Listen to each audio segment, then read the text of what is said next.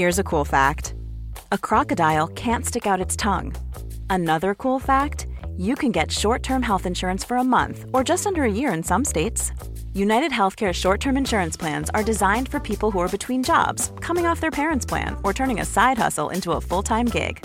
Underwritten by Golden Rule Insurance Company, they offer flexible, budget friendly coverage with access to a nationwide network of doctors and hospitals.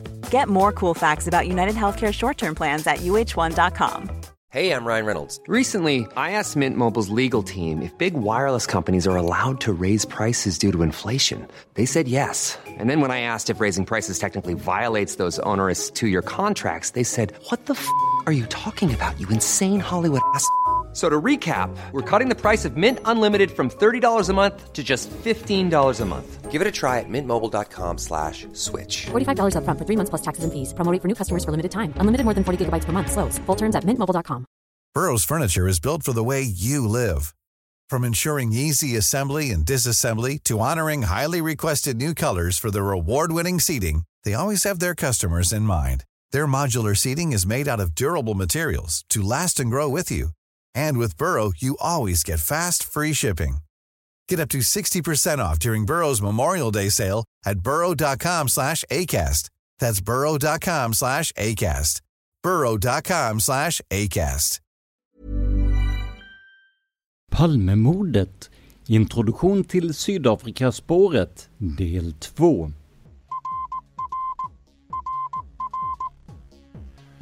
Sveriges statsminister Olof Palme är död. 90 000. Ja, det är mord på Sveavägen. Hörde de säger att det är Palme som är skjuten.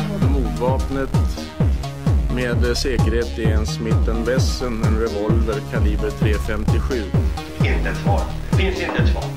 För jag har inget. Och jag har inte varit Varför skulle jag Polisen söker en man i 35 till 40-årsåldern med mörkt hår och lång mörk rock. Välkomna till podden Palmemordet som idag görs av mig, Tobias Henriksson på PRS Media. Glöm inte att ni kan stötta oss genom att gå in på patreon.com palmemordet och donera en summa som podden får per publicerat avsnitt. Fler sätt att donera hittar du i avsnittsbeskrivningen. I förra veckan började vi så smått titta på Sydafrikaspåret med en del sammanfattningar och historik. Då handlade det mycket om landet och dess politik som fick Olof Palme att kritisera dem i skarpa ordalag. Kanske var detta också en av anledningarna till att man misstänkte att Sydafrika kunde vara inblandade i mordet. Men i det avsnittet tittade vi egentligen inte så mycket på de faktiska utredningsåtgärderna som gjordes. Men det ska vi göra idag. Och för att få koll på detta kommer vi att använda oss av Granskningskommissionens rapport. Granskningskommissionens ledamöter hade i uppdrag att genomlysa utredningen och se vad som hade gjorts, men också vad som kunde gjorts bättre. Genom hela poddens historia har det här varit en av de absolut bästa källorna till information. När vi väl ger oss in på Sydafrikaspåret i sin helhet är tanken att vi ska få ta del av intervjuer, dokument, berättelser och mycket mer. När det här blir vet vi inte i dagsläget, men då det verkar som att ni lyssnare vill se ett stort spår relativt snart igen förbereder jag mig på att ta mig an det här spåret så snart vi har tillräckligt med material.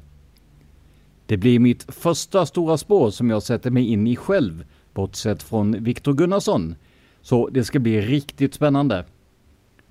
Givetvis kommer även Dan att dyka upp dels i det här spåret och dels i fristående avsnitt. Om du vill läsa Granskningskommissionens rapport själv så finns den på regeringens hemsida.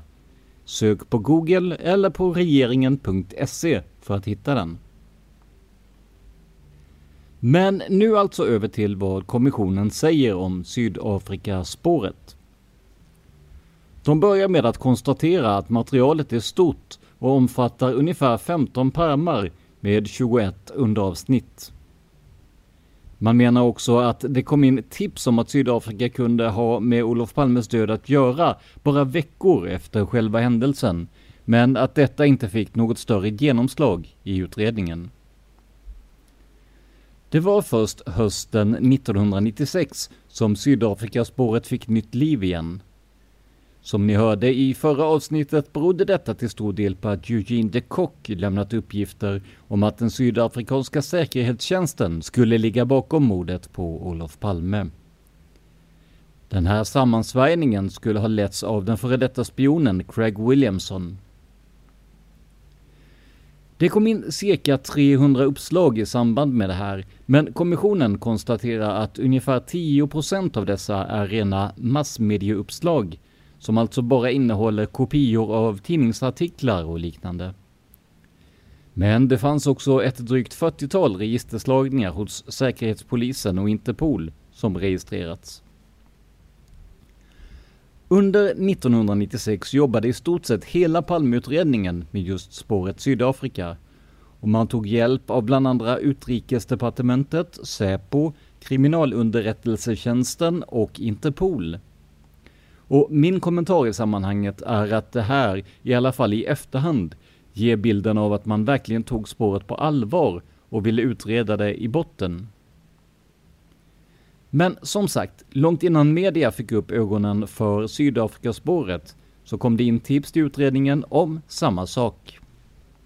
Vi börjar med att titta på ett tips som kom in i samband med folkriksdagen mot apartheid och som kommissionen berättar om i sin rapport. Vi citerar direkt från rapporten för att få med alla detaljer. Citat. Den 4 mars 1986 kontaktade Elisabeth D Palmeutredningen och berättade att det fredagen den 21 februari 1986 hållits en Folkets riksdag i Folkets hus i Stockholm.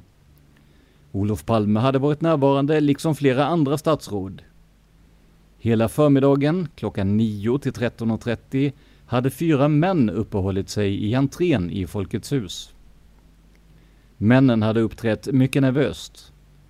Enligt Elisabeth D var en av männen svensk, cirka 40 år, och tre var nordindier, också i 40-årsåldern. Två veckor senare hördes Elisabeth D av sig på nytt. Hon ville, i anledning av misstankarna mot 33-åringen, kompletterar sina tidigare uppgifter med att en av männen hon iakttagit var i 30-35 årsåldern. Tipset följdes upp i början av april 1986 då Elisabeth D förhördes. Elisabeth D hade arbetat som värdinna vid folkriksdagen mot apartheid i Folkets hus. Hon hade i samband härmed lagt märke till totalt fem män som verkat underliga. Hon lämnade signalement på samtliga. Tre av männen bedömde hon som indier. Männen hade på fråga om hon kunde hjälpa dem med något svarat att de väntade på sin ambassadör. En svensk man hade verkat knäpp. Han hade frågat om alla politiska partier fanns representerade i salen och därefter uttalat Ja, alla som är här kan bli sjuka idag. Själv blev jag sjuk 1969.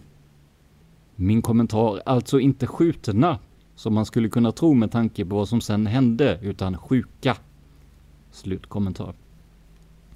Den sista mannen hon lade märke till var i 30-35 års åldern och välklädd som en diplomat. Han hade sprungit in i foajén och uppför trapporna. Efter cirka 15 minuter hade han återvänt och sprungit ut på gatan. Slutcitat. Så ett antal män, varav en del med utländskt utseende, ska alltså ha betett sig underligt i samband med folkriksdagen mot apartheid. Det intressanta här är att det talas om att männen såg ut som indier, vilket ju inte direkt pekar mot Sydafrika. Men å andra sidan vet vi ju inte hur van uppgiftslämnaren var vid att bedöma andra personers ursprung. Så här långt i rapporten står det inte vad utredningen eventuellt gjorde åt det här spåret.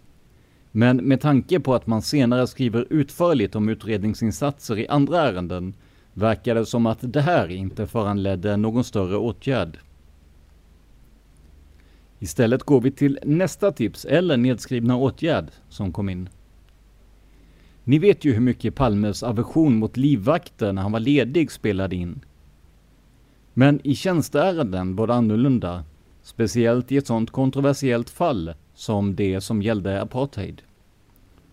För 1993 lyckades Palmeutredningen få reda på att statsministern haft personskydd från Säkerhetspolisen den 21 februari 1986, alltså under folkriksdagen och bara en vecka innan det att han mördades. Givetvis berodde ju det här på att det sammanföll med Palmes hårda kritik mot apartheidregimen. Men det säger samtidigt något om att man såg en förhöjd hotbild mot statsministern. Och det här bara veckor innan det att han faktiskt sköts till döds. Den 5 mars 1986 kontaktade en person med sydafrikansk bakgrund Palmeutredningen och tipsade om att den sydafrikanska säkerhetstjänsten BOSS, BOSS, kunde ligga bakom mordet på Olof Palme. Uppgiftslämnaren undrade om man i Sverige ens känt till det raseri som Olof Palme under decennier skapat i styrande och reaktionära kretsar i Sydafrika med sin inställning i apartheidfrågan. En utländsk underrättelsetjänst som vill ha ihjäl en svensk statsminister, ja, det låter ju onekligen intressant. Men utredningen tyckte vid det här tillfället inte att det gick att jobba vidare med. För redan en månad efter att tipset kommit in konstaterade Säkerhetspolisen att BOSS stod för Bureau of State Security, men att citat, ”någon att identifiera har inte stått att finna i texten”. Slutcitat. Istället var det ett tips från den 5 mars 1986 som fick utredningen att återigen titta på ämnet. Men det anmärkningsvärda är att det dröjde tio år från det att tipset kom in till att man vidtog någon form av åtgärd. Som vi känner till sedan innan var Palmeutredningen i bästa fall kaotisk och i värsta fall amatörmässigt sett med dagens ögon strax efter mordet. Och det märktes på det tips som författaren och Sydafrikakännaren Per W lämnade in till utredarna. Han ville nämligen påminna om att mordet på Olof Palme skulle kunna ha planerats av Sydafrika och att Olof Palme fredagen före sin död under folkriksdagen fördömt Sydafrika fränare än någonsin. Per W medgav att detta var en avlägsen möjlighet, men han ville ändå föra fram det till utredningen. Han tillade att Olof Palme i Sydafrika ständigt utmålats som landets värsta fiende i väst och att Sydafrika legat bakom flera mord på motståndare, däribland det uppmärksammade mordet på Ruth First, vän till Olof Palme. First var för övrigt en anti-apartheid-aktivist som dödades av en brevbomb från den sydafrikanska polisen 1982. I ett brev som Per W skickade till Hans Holmer den 6 mars 1986 tog Per W särskilt upp det han kallade den sydafrikanske mästeragenten Craig Williamson som infiltrerade IUEF, International University Exchange Fund. Per W skrev att Craig Williamson för någon månad sedan meddelat att han avsåg att lämna sin höga post inom Säkerhetspolisen för att citat ägna sig åt privat verksamhet. Slutcitat. Och nu kommer vi till anledningen att det här spåret inte togs upp på allvar förrän långt senare. För till granskningskommissionen säger nämligen Hans Ölvebro att breven inte kommer att registreras i Palmeutredningen förrän efter 1989 eftersom handlingarna blivit citat liggande i något av de tidigare chefernas kassaskåp. Slutcitat. Och det var först på hösten 1996 alltså över tio år efter det att han tog kontakt med Palmeutredningen, som Per W hördes ingående om sitt tips. Men Per W var inte den enda som tipsade om Sydafrika tidigt i utredningen. Bland annat upprättade den före detta ambassadören Sverker Åström en promemoria där han menade att Sydafrika kan ha ett möjligt motiv att mörda statsministern. Även en man kallad Abdul M som företrädde World Campaign Against Military and Nuclear Collaboration with South Africa uppgav att han kunde tänka sig att sydafrikanska agenter låg bakom mordet.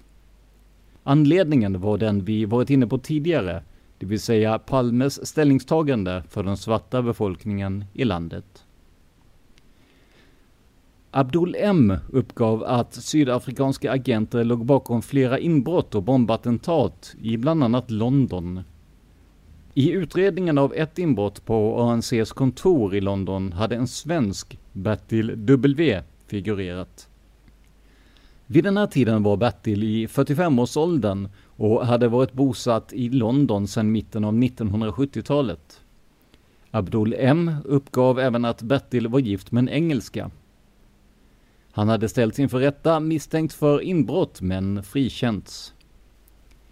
Sydafrikanerna Peter Castleton och Edward A ska också ha varit inblandade i inbrottet. Abdul M nämnde att Bertil W skulle haft samröre med en pensionerad polis i Sydafrika, Craig Williamson, och att det i Sverige skulle finnas en rörelse som stödjer den sydafrikanska regimen, VAT, Victims Against Terrorism. Till sist kom även FN-ambassadören Anders Färm in med en promemoria där han menade att Sydafrika var värda att utreda i förhållande till Palmemordet. Det här tipset kom in redan i mars 1986, men likt mycket annat blev det liggande och registrerades först i utredningen 1992. Hans Ölvebro fick återigen frågan av granskningskommissionen hur detta kunde komma sig, men han hade inget bra svar på frågan. Vi nämnde ju Bertil W nyss och med tanke på att eh, man hade en person utpekad med namn och en del andra omständigheter som vi strax kommer till så bestämde sig Palmeutredningen för att eh, titta närmare på honom. Och den här historien är så intressant och innehåller så många konstiga vändningar att jag valt att berätta den precis som den står skriven i granskningskommissionens rapport. Så det här är alltså historien om Bertil W och hans eventuella roll i Palmemordet. Bertil kallas genomgående för W. Den 8 april 1986 kontaktade en uppgiftslämnare Palmeutredningen och lämnade tips om W som uppgiftslämnaren ansåg vara nästintill identisk med den fantombild som föreställde den så kallade skuggan. Uppgiftslämnaren uppgav att W några dagar före mordet på Olof Palme hade verkat förvirrad. Ws livsuppgift var enligt uppgiftslämnaren att bekämpa kommunism och socialism. Han hade varit engagerad i NRP och BSS, varit FN-soldat och värvat legosoldater, dömts för olaga vapeninnehav i Sverige och suttit häktad i Östberlin av okänd anledning. Min kommentar NRP är alltså Nordiska rikspartiet, en sammanslutning med nationalsocialistiska rötter. BSS står för Bevara Sverige svenskt och var en rasistisk organisation på främst 80 och 90-talet. Slutkommentar. Enligt uppgiftslämnaren hade han också varit sabotör och spion för Sydafrikas räkning samt CIA-agent. På spaningsuppslaget hade antecknats PRI 3. En ny kommentar. Det här anger alltså prioriteringen för ärendet där 3 är den högsta. Slutkommentar. I november 1986 kontaktade en man polisen och berättade att han 20 år tidigare träffat en före detta löjtnant på en krog. Efter krogbesöket träffades de några gånger. Mannen kände bara till löjtnantens förnamn Löjtnanten sades vara högerextremist och skribent på en nyhetsbyrå på högerkanten. Han skulle ha varit i Kongo och krigat på 1960-talet. Han bodde nu i London. När fantombilden publicerats efter mordet på Olof Palme hade uppgiftslämnaren genast sett att den föreställde löjtnanten. Troligen avsågs fantombilden på gärningsmannen. I början av maj 1987 kontaktade W själv Palmeutredningen per telefon från Norge. Han tyckte det var konstigt att han inte fått något svar på brev som han uppgav sig ha skickat. Breven skulle innehålla uppgifter om mordet på Olof Palme och ligan bakom mordet samt tips om var ligamedlemmarna kunde gripas.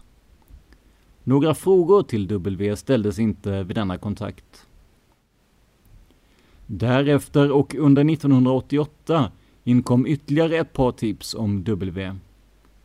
Under 1988 hade Palmeutredningen en ny kontakt med den ovan nämnda uppgiftslämnaren och en promemoria upprättades om W. Den är ej daterad och det framgår inte vem som upprättat den. Promemorian, som sägs bygga på pressklipp, andra och tredjehandskällor samt beträffande uppgifterna om Cypern på en förstahandskälla, innehåller bland annat följande. W inledde, efter att ha tjänstgjort som FN-soldat i Kongo och på Cypern, en karriär som legosoldat eller som rekrytör av legosoldater. Hans track record skulle omfatta Sydafrika, Biafra och Sydvietnam. Enligt en källa skulle Ws förflutna inom branschen för privata soldater vara tämligen patetisk och misslyckad. Sedan 1970-talet skulle han ha lagt sig till med ett rykte om att vara a gun for hire. Bland annat har en källa beskrivit honom som mellanhand för mordkontrakt och en annan som en av Europes top pro killers. Flera källor har påstått att W i huvudsak arbetade för den sydafrikanska säkerhetspolisen, BOSS, sedan 1970-talet och att han troddes vara huvudorganisatören av mordet på apartheidmotståndaren Ruth First, som dödades av en brevbomb i Mosambiks huvudstad Maputo 1982. Kopplingen till Boss bestyrks delvis av att W åtalades i London 1983 för olaga innehav av dokument som stulits vid ett inbrott i ANCs Londonkontor. Vid rättegången frikändes han dock. Sedan något år bodde W och hans hustru permanent på Cypern. Han skulle där presentera sig som journalist, men hans journalistiska verksamhet skulle vara begränsad till tre spots i veckan för en turkisk radiostation. W hade på Cypern ansökt om vapenlicens för ett handeldvapen eftersom han citat behövde ett vapen slutcitat då han citat var rädd för sina forna sydafrikanska affärskontakter slutcitat. Ansökan hade avslagits och han skaffade därefter ett hagelgevär. Enligt promemorians källas kontaktman på Cypern blev W plötsligt medveten om att kontaktmannen rotade i hans förehavanden. Vid ett tillfälle dök W upp berusad vid kontaktmannens bostad och hotade döda denne.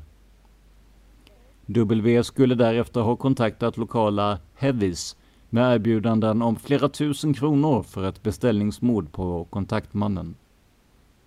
W hade vid tillfället uppgivit att han arbetade för Mossad och att han var brittisk intelligence officer. En tid senare hade den lokala polisen arresterat honom för rattonykterhet.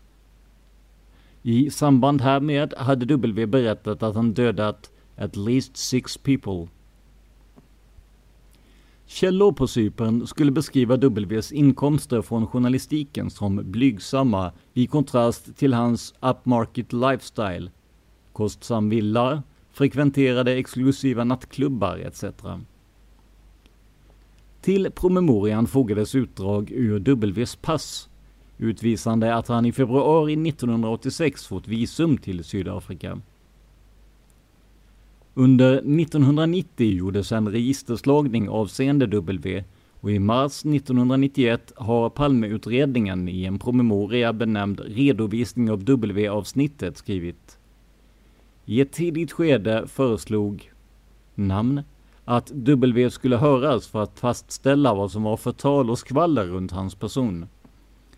Detta ansågs ej nödvändigt, varför ledningen själva har ansett att ärendet ska läggas ad acta.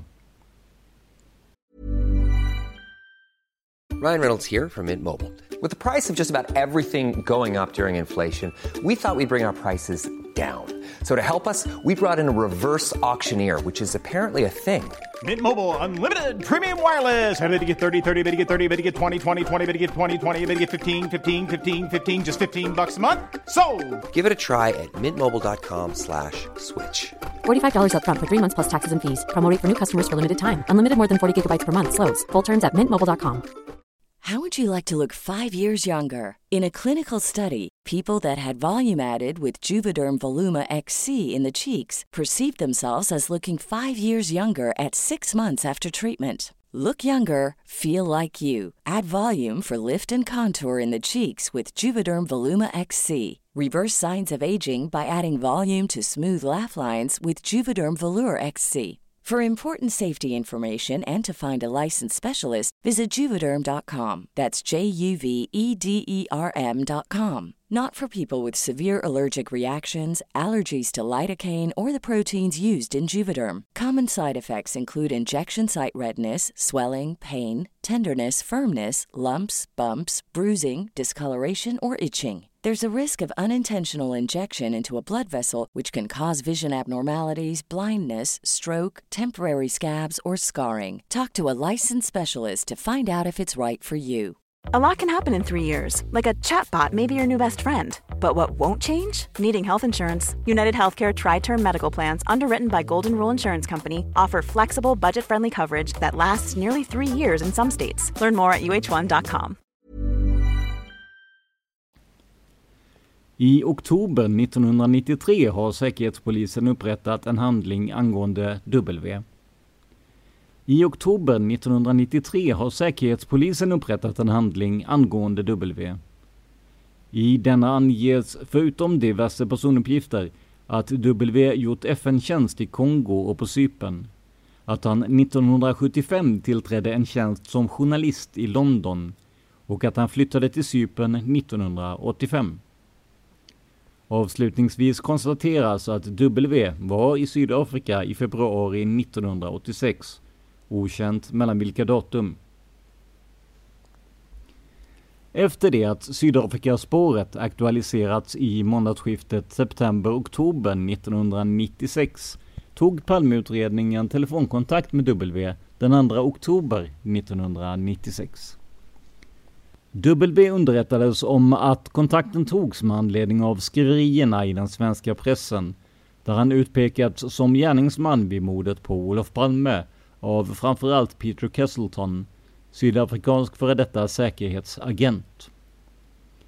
W ifrågasatte omedelbart varför Palmeutredningen kontaktat honom först 1996. Han påstod att han under flera års tid försökt lämna uppgifter och skriftligt material om mordet på Olof Palme, men att han förvägrats detta av olika myndigheter och myndighetsföreträdare. Han sa sig bland annat ha varit i kontakt med Sveriges ambassader i Ankara och Tel Aviv, med Pierre Schori och med polisen. Han övervägde i anledning av detta att dra svenska regeringen inför domstol i Luxemburg. Det diskuterades vad ett sammanträffande mellan Palmeutredningen och W skulle kunna äga rum. W kunde inte bestämma sig utan ny kontakt skulle tas två dagar senare. Därefter har Palmeutredningen haft ett tiotal kontakter med W per telefon och via telefax fram till sommaren 1997. W har bland annat erbjudit sammanträffanden i Stockholm och på svenska ambassaderna i London respektive Rom. Han har dessutom erbjudits att skriftligen redogöra för var han befann sig den 28 februari 1986. Inget av dessa alternativ har han accepterat. Han har uppställt en mängd villkor för ett sammanträffande. Bland annat har han velat ha en förklaring till varför svenska myndigheter inte velat ta emot hans material om mordet på Olof Palme och en garanti för att materialet verkligen handläggs konfidentiellt. Han har dessutom vid flera tillfällen föreburit att han varit upptagen av sitt arbete, att hans fru var sjuk, etc. I mitten av oktober 1996 överlämnade W via journalisten Karl H på tidskriften Kontra bland annat ett 11-sidigt brev om vad han råkat ut för i anledning av att han forskat kring mordet på Olof Palme. I brevet berättar han bland annat följande. 1967 startade han på uppdrag av Marcus Wallenberg, nyhets och utredningsbyrån Näringslivets information. Såväl byrån som han själv utsattes för sovjetiska aktiva åtgärder och i slutet av 1960-talet försökte sovjetiska underrättelsetjänsten värva honom till olaglig spioneriverksamhet. Hösten 1971 underställdes byrån och W Mike Wallenberg Jr. Efter någon månad hittades denne skjuten till döds i Stockholm. Därefter fick sovjetiska intressen del i byrån. 1974 meddelade säkerhetspolisen W att sovjetisk underrättelsetjänst verkade förbereda en omfattande aktion mot honom. Efter en inbjudan av Olof Palme till en mottagning på ett hotell i Stockholm blev W mottagen av Pierre Schori. Denne presenterade honom för Nikolaj S som W visste var KGB-officer och inblandad i aktionen mot honom. Nikolaj S kallade honom för Welch. Natten till den 1 mars 1976, The Welch National Day, och precis tio år före mordet på Olof Palme, hade två utlänningar för två ledande nyhetsmedier presenterat en påhittad historia om att W på CIAs uppdrag värvat legosoldater i Sverige för tjänstgöring i Afrika. I anledning härav hade han blivit avstängd från sin tjänst och flyttad till England. På lediga stunder hade han därefter förberett en uppsats om otillbörliga sovjetiska aktiviteter i Sverige. Detta hade kommit till en KGB-chefs kännedom. Under sommaren 1985 hade utkastet till hans uppsats om otillbörliga sovjetiska aktioner stulits i hemmet. Han och hans fru hade därefter bestämt sig för att flytta till Cypern, vilket de gjort i slutet av 1985. Efter mordet på Olof Palme hade W kontaktats av journalisten Jan Mosander som frågat honom om han hade någon idé om varför Palme mördades. Därefter startade W med egna medel en egen utredning i denna fråga. W kom en engelsman och två tyskar på spåren. Engelsmannen hade vid flera tillfällen kontaktat Anders L och enligt säkra uppgifter skulle de båda ha arbetat för den sovjetiska underrättelsetjänsten. Då W samlat in ett omfattande material ville han lämna över detta till svenska myndigheter. Detta hade emellertid förvägrats honom av en mängd olika myndigheter. Han hade dessutom blivit uppsökt av en person verksam inom svensk underrättelseverksamhet som varnat honom för att besöka Sverige eftersom någon skulle försöka mörda honom. W hade därefter utsatts för ett mordförsök. Hans blodtryck hade plötsligt blivit farligt högt och han hade förts medvetslös till sjukhus där hans hustru fått beskedet att hans liv inte kunde räddas. Ws brittiske vän, som han hållit informerad för det fall något skulle hända honom, hade avlidit ett par veckor senare på grund av högt blodtryck. Brevet avslutas citat. Så vitt jag förstår var två mord planerade att genomföras i Stockholm samma natt. Ett på statsministern och därefter ett med kodnamnet Bröllop på en man som efter sin död skulle utpekas som Palmes mördare med hänvisning till ett manuskript som stulits från honom. Mordens planerare hade räknat med att han skulle vara i Stockholm, men där fanns han inte. Han låg och sov i sitt nya hem i östra Medelhavet." Slutcitat. Under framförallt hösten 1996 inkom flera nya tips rörande W. Bland annat inkom uppgifter om att denne uttalat sig hetskt mot Olof Palme i det radioprogram han medverkade i, i den turkiska radion på Cypern. Tipsen hade utretts så långt möjligt och Palmeutredningen höll också ett nytt ingående förhör med den inledningsvis nämnde uppgiftslämnaren. Efter sommaren 1997 har inga försök gjorts att kontakta W. Och där slutar vi citera granskningskommissionens stycke om just Bertil W. Så Bertil W umgicks alltså i kretsar som ogillade Palme och visade sympati för den sydafrikanska regimen. Han var militär och han hade uppenbarligen goda kontakter i Sydafrika. Han ansågs vara en guns for hire, alltså tillgänglig för mordkontrakt och hade såklart en god skjutvana. Dessutom kopplades han samman med BOSS, den sydafrikanska säkerhetstjänsten. Bertil W kan ju vid en första anblick tyckas vara en bra kandidat till att ha deltagit i en komplott att mörda Olof Palme. Men som ni såg var det svårt att få någonting ur honom. Och det fanns många ursäkter för att inte tala med Palmeutredarna. Det som förvånar mig är att man efter 1997 inte gjorde några försök att följa upp Bertil W. I alla fall inte fram till dess att granskningskommissionens rapport släpptes 1999. Med tanke på att Sydafrikaspåret var en av de teorier som fanns med långt in i handlingen innan den där mycket speciella presskonferensen sommaren 2020 så är det väl inte helt otroligt att man försökte göra ett omtag med honom senare. Bertil W förekommer förresten även i Jan Stocklassas bok Stig Larssons arkiv, nyckeln till Palmemordet, där Stocklassa under falsk identitet intervjuar honom. Även här förnekar Bertil att han var inblandad i Palmemordet, men berättar relativt frispråkigt om sitt liv och sina uppdrag. Men mer om det tar vi i minst ett eget avsnitt. Utöver allt det här hade även media en riktig fest med Sydafrikaspåret. För vem kunde motstå en historia om rasism, utländska underrättelsetjänster och mord på höga politiker? Till exempel kontaktades utredningen av ett par journalister på Svenska Dagbladet som visade upp ett utkast till en artikel där man sa sig ha kontakt med en källa som visste mer om mordet på Olof Palme. Källan uppgav att det var Craig Williamson som planerat mordet på Olof Palme i och med att statsministern såg som ett hot mot den sydafrikanska apartheidregimen.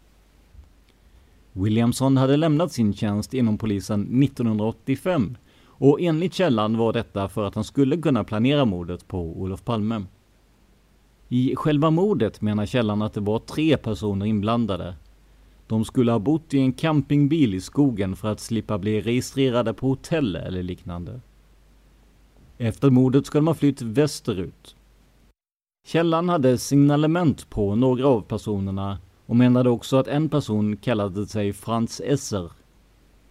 I juli 1987 försökte Säkerhetspolisen identifiera den här Esser, men utan att lyckas. Utöver det här har vi ju Eugene de Kocks uppgifter om mordet, som ni hörde om i förra avsnittet. Och detta kommer vi såklart att prata mer om i ett antal separata avsnitt när vi gör hela Sydafrikaspåret.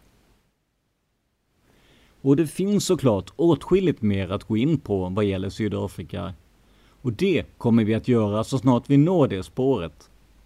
Vad sägs till exempel om informationssvindleri reseräkningar från sydafrikanska agenter, The Uppsala Group, 31 februari och mycket mer. Jag kommer att sätta mig ner och försöka få ihop så mycket som bara möjligt om Sydafrika. Och när vi har tillräckligt med material och intervjuer så är det dags att med poddens hjälp resa till andra sidan av jorden och se vilken rimlighet det finns i spåret Sydafrika. På vägen finns det goda möjligheter att lära sig om både den sydafrikanska historien och hur Palme kom att bli en måltavla för de styrande i landet. Från och med förra avsnittet som publicerades den 8 september 2021 har det blivit lättare att kontakta oss direkt för frågor eller tips. Maila oss på podden Palmemordet gmail.com med dina frågor eller tips podden Palmemordet i ett ord. Facebook-sidan finns såklart kvar, men den tar en del tid att administrera och risken är att vi missar viktiga tips eller frågor från er. Därför kommer den primära kontakten med oss som gör podden framöver att skötas via mail. Vi är tre personer som tar emot mejlen eller som får dem vidarebefordrade till oss. Dan, jag och vår fantastiska administratör och moderator Eva. Om du är i behov av att kontakta oss krypterat, till exempel för känsliga tips, be om vår krypterade adress via vanligt mail eller Facebook. Du behöver inte nämna vad det handlar om i det öppna mejlet, om du inte vill det. Och apropå just Facebook, det finns ytterligare en baksida med att svara er via Facebook-sidan. Detta upptäcktes för lite sedan när Dan helt plötsligt blev avstängd från plattformen utan att till synes brutit mot någon av de regler som Facebook ställer upp. Det är svårt att hålla kontakten med er när man när som helst kan stängas av, bara man försöker göra ett bra jobb med poddarna. Därför har vi nu alltså mejlen poddenpalmemordet gmail.com som primär kontaktkälla. Vi påminner också om det vi sa i förra avsnittet. Alla donationer går till podden och inte till den person som gör det aktuella avsnittet. Oavsett om jag eller Dan sitter bakom micken så är det podden som produkt som får de eventuella donationer som kommer in. Och om du vill sponsra oss så går det såklart jättebra. Gå in på patreon.com palmemordet och fyll i en summa som podden får per publicerat avsnitt. Fler sätt att donera finns i avsnittsbeskrivningen. Det här var veckans avsnitt av podden Palmemordet som idag gjordes av mig, Tobias Henriksson på PRS Media. För mer information om mig och mina projekt besök facebook.com prsmedia.se eller gilla oss på Instagram där vi heter PRS Media, Ett ord, små bokstäver. Och till er som väntar på uppdateringar från mina egna poddar. Det kommer. Men på sistone har det varit mycket med det ordinarie jobbet samtidigt som jag producerat avsnitt för podden Palmemordet. Så det har inte blivit någon vidare tid över. Men såväl Tänk om som Minuten med mord finns kvar och kommer att få se nya avsnitt så fort allt lugnat ner sig lite. Stort tack till alla som hjälper oss genom donationer, tips och annat. Men framför allt, stort tack för att du lyssnar på podden Palmemordet. Man hittar Palmes mördare om man följer PKK-spåret till botten. Därför att ända sedan Julius Caesars tid har det aldrig hört talas om ett mord på en framstående politiker som inte haft politiska skäl. Polisens och åklagarens teori var att han ensam hade skjutit Olof Palme. Och det ledde också till rättegång. Men han frikändes i hovrätten. Nu ska vi ut på rövarstråt. Ja, vi ska ut och röva.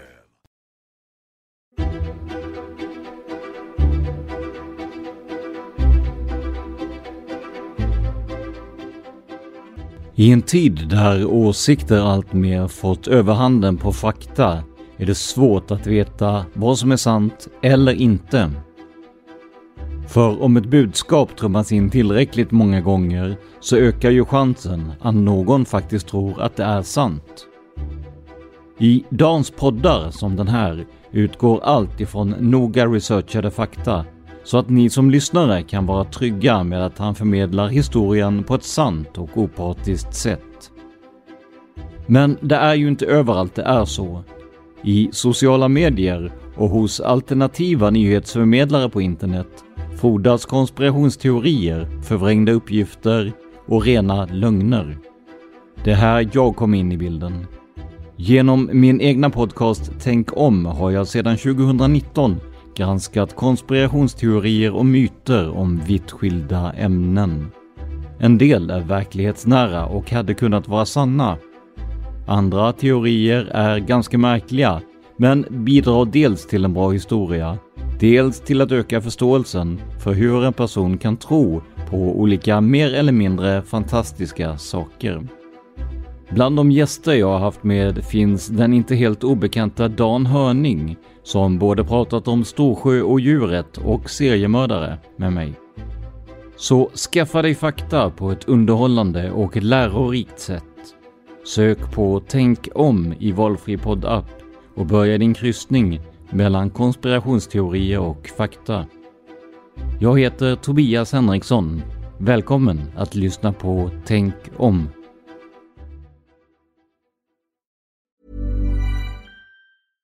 Flexibility is great. That's why there's yoga. Flexibility for your insurance coverage is great too. That's why there's United Healthcare Insurance Plans. Underwritten by Golden Rule Insurance Company, United Healthcare Insurance Plans offer flexible, budget friendly coverage for medical, vision, dental, and more. One of these plans may be right for you if you're, say, between jobs, coming off your parents' plan, turning a side hustle into a full hustle, or even missed open enrollment. Want more flexibility? Find out more about United Healthcare Insurance Plans at uh1.com. Planning for your next trip? Elevate your travel style with Quince. Quince has all the jet setting essentials you'll want for your next getaway, like European linen, premium luggage options, buttery soft Italian leather bags, and so much more. And it's all priced at 50 to 80% less than similar brands. Plus, Quince only works with factories that use safe and ethical manufacturing practices. Pack your bags with high-quality essentials you'll be wearing for vacations to come with Quince. Go to quince.com slash trip for free shipping and 365-day returns. Hey, it's Paige DeSorbo from Giggly Squad. High quality fashion without the price tag. Say hello to Quince. I'm snagging high-end essentials like cozy cashmere sweaters, sleek leather jackets, fine jewelry, and so much more. With Quince being 50 to 80% less than similar brands. And they partner with factories that prioritize safe, ethical, and responsible manufacturing. I love that. Luxury quality within reach. Go to quince.com slash style to get free shipping and 365 day returns on your next order. Quince.com slash style.